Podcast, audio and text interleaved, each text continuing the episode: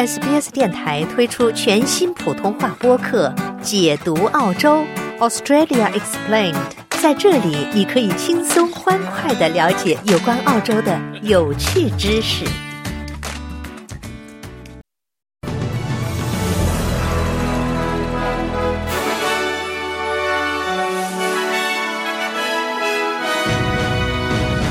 杨均衡不会对死缓判决提出上诉。维基解密创始人朱利安·阿桑奇的支持者在全球举行守夜活动，反对党指责工党扩建海军水面舰队的计划。美国提议加沙实现临时停火。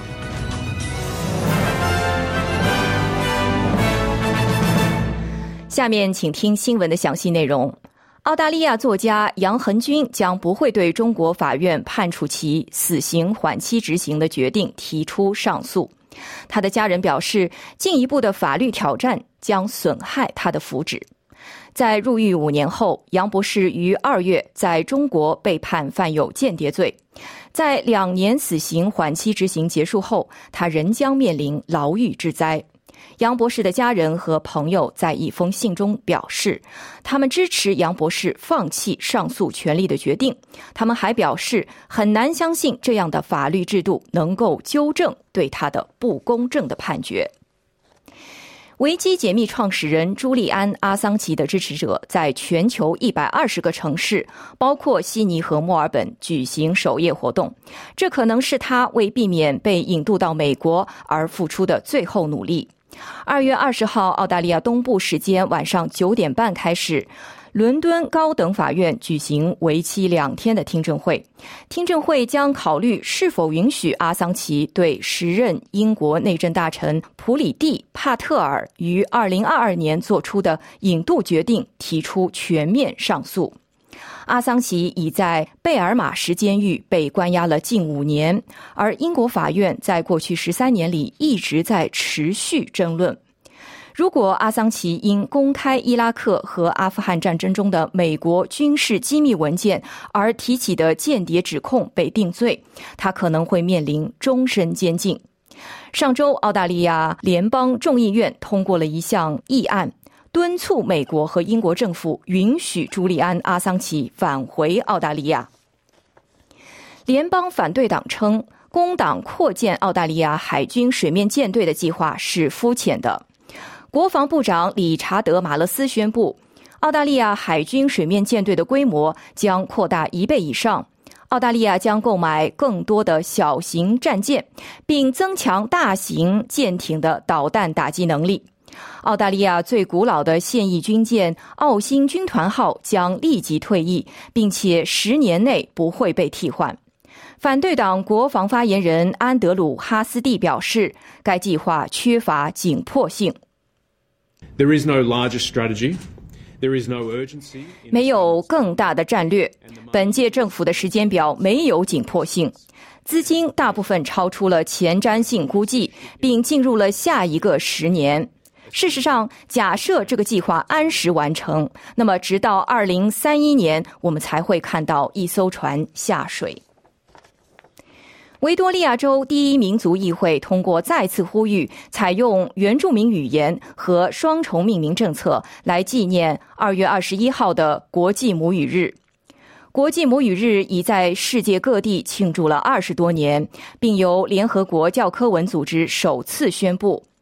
大会联合主席纳加拉穆雷表示，尽管历史上曾多次尝试消除原住民语言，但社区仍然坚持不懈，为子孙后代保护他们的语言。穆雷表示，很高兴看到更多的公共场所承认和庆祝世界上最古老的现存文化。议会和维多利亚州政府之间的条约谈判将于今年晚些时候开始，预计将在第一轮谈判中讨论双重命名的政策。在参议院调查中，昆士兰州警察局表示，该局正在不断调整以满足原住民的需求。二月二十号，在联邦调查失踪和遇害原住民妇女和儿童的最新一次公开听证会上。昆士兰警察局的官员就原住民受害者和幸存者在刑事司法系统中遭遇的不平等提出了证据。昆州警察局原住民部门的督察萨姆布里斯表示，受害者向调查组提供的证词令人担忧。Me hearing this 从这些站出来提供信息的受害者口中听到这些，确实让我感到担忧。从机构的角度来看，我们的警察没有以受害者为中心，没有关注我们的受害者，这确实令人担忧。这是需要改进的地方。当然，如果发生了这种情况，也要看看我们的人怎么说。该调查将于二零二四年六月宣布调查结果。储备银行公布的最新决策会议纪要显示，民众对通胀的强度持续感到担忧。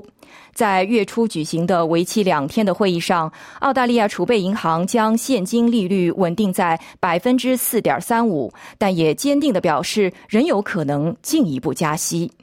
会议纪要列出了其降低通胀目标所面临的最大风险，包括通胀可能比预期更持久、生产率增长复苏放缓以及消费疲软。总理安东尼·阿尔巴尼斯表示，澳大利亚最大的两家连锁超市需要为顾客做正确的事。政府已指示澳大利亚竞争与消费者委员会审查该行业的价格和竞争情况。阿尔巴尼斯表示，Coles 和 Woolworths 应该非常清楚公众舆论对其业务的影响。The CEOs of major companies uh, need to do that. 大公司的首席执行官需要这样做，需要积极响应，支付给农民的成本降低，但结账时的成本并没有降低，这一点引起了人们的极大关注。因此，这是农民的损失，也是消费者的损失。这在社会上引起了极大的关注。这就是为什么我们不仅有参议院的审查，还有澳大利亚商会的审查，以及艾默生博士正在进行的审查。根据气候委员会的最新分析，与采用有效燃油效率标准的国际汽车市场相比，澳大利亚驾驶者在购买新车后的燃油消耗上可能要支付高达两倍的费用。平均而言，目前在澳大利亚销售的新车每一百公里油耗为六点九升，每年的燃油费用支出近一千四百六十澳元。这比欧洲新车每年多出近七百二十澳元。燃油支出是造成家庭经济压力的三大因素之一。百分之七十一的澳大利亚民众表示，他们已经改变了驾驶习惯，以应对高昂的燃油成本。气候委员及经济学家尼基·胡特利表示，澳大利亚缺乏燃油效率标准，并呼吁联邦政府制定新车效率标准。胡特利表示，这将有利于澳大利亚拥有与世界上大多数国家类似的标准，节省开支，并提供更清洁、运行成本更低的汽车。由于澳航 Qantas 子公司雇佣的飞行员宣称要延长工业行动，成千上万的地区航空公司乘客和飞进飞出的工人面临着更多的航班取消。上周，西澳大利亚州两百多名网络航空和澳洲连接航空的飞行员连续六天罢工，迫使数十个航班取消。澳大利亚航空飞行员联合会周二表示，飞行员将于周四再次罢工，为期四天。这是近几个月来网络航空飞行员第四次因薪酬纠纷采取工业行动。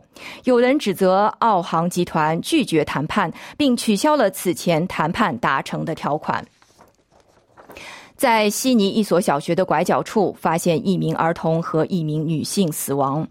警方正在调查与附近郊区第三起死亡事件的关联。警方称，这两人于周二下午一点左右，在北帕拉马塔 Decking 街的一家跆拳道中心被发现。据信，该名女子年龄在四十多岁。警方在一所天主教小学内发现一名男子后，向警方报道了这名男子在 Balcom Hills 的家中。警方在位于 Watkins Road 的家中发现了这名男子。据信，他三十多岁，身上有致命伤。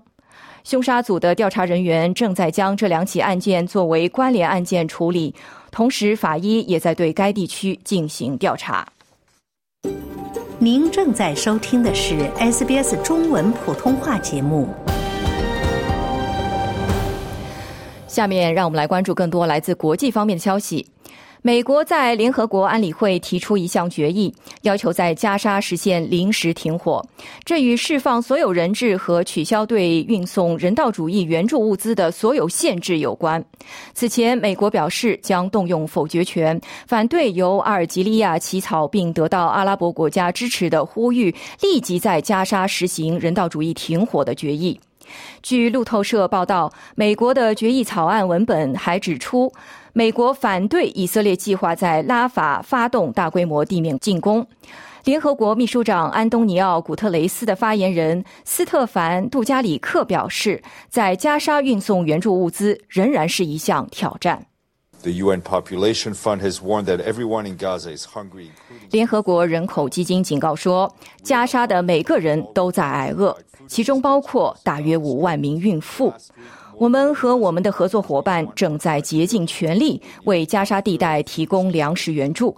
上周，十多个合作伙伴向一百五十万人提供了援助，近三分之一的粮食供应运往拉法省，百分之二十八运往戴尔拜莱赫，略高于四分之一的粮食运往汉尤尼斯，百分之十四则运往北部。白宫表示，为应对俄罗斯反对派领导人阿列克谢·纳瓦尔尼的死亡事件，白宫正准备对俄罗斯实施更多重大制裁。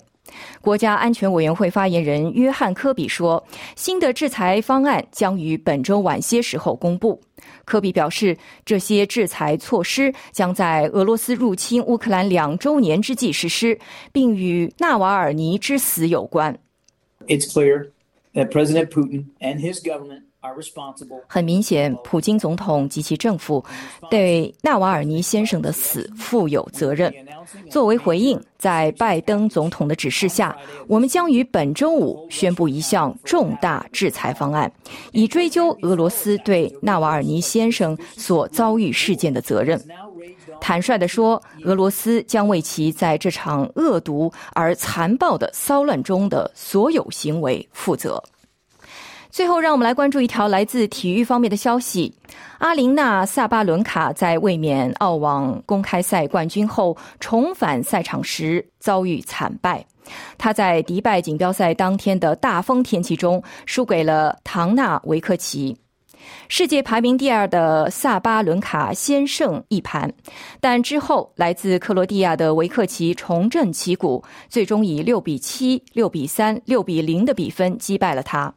这是维克奇在两人八次交锋中第六次获胜。比赛可以追溯到八年前，维克奇在早期的比赛中占据了主导地位。但一年前，萨巴伦卡在澳大利亚四分之一决赛中击败维克奇，夺得了他的第一个大满贯冠军，实现了大满贯的突破。萨巴伦卡先以五比三领先，随后通过抢七决胜首盘。萨巴伦卡在墨尔本夺冠后休整三周，在该场比赛的第二盘开局时，先以二比零领先，赢得了第一个局点，可惜未能继续保持领先。接下来，让我们来关注一下澳大利亚元的汇率，在国际货币市场上，一澳元可以兑换零点六五五美元。一点零六一新西兰元，同时一澳元可以兑换四点七一一元人民币、五点一二三元港币和二十点六零二的新台币。最后，让我们来了解一下全国各主要城市今天的天气情况。悉尼阵雨，最高温度二十七度；墨尔本晴，最高温度三十三度。布里斯班阵雨，最高温度三十度；堪培拉可能有阵雨或暴雨，最高温度二十七度；阿德莱德晴，最高温度三十五度；珀斯局部多云，最高温度三十度；达尔文阵雨，最高温度三十三度；霍巴特局部多云，最高温度二十九度。想听到更多这样的故事吗？您可以通过苹果播客、谷歌播客、Spotify。或者您喜爱的方式下载收听。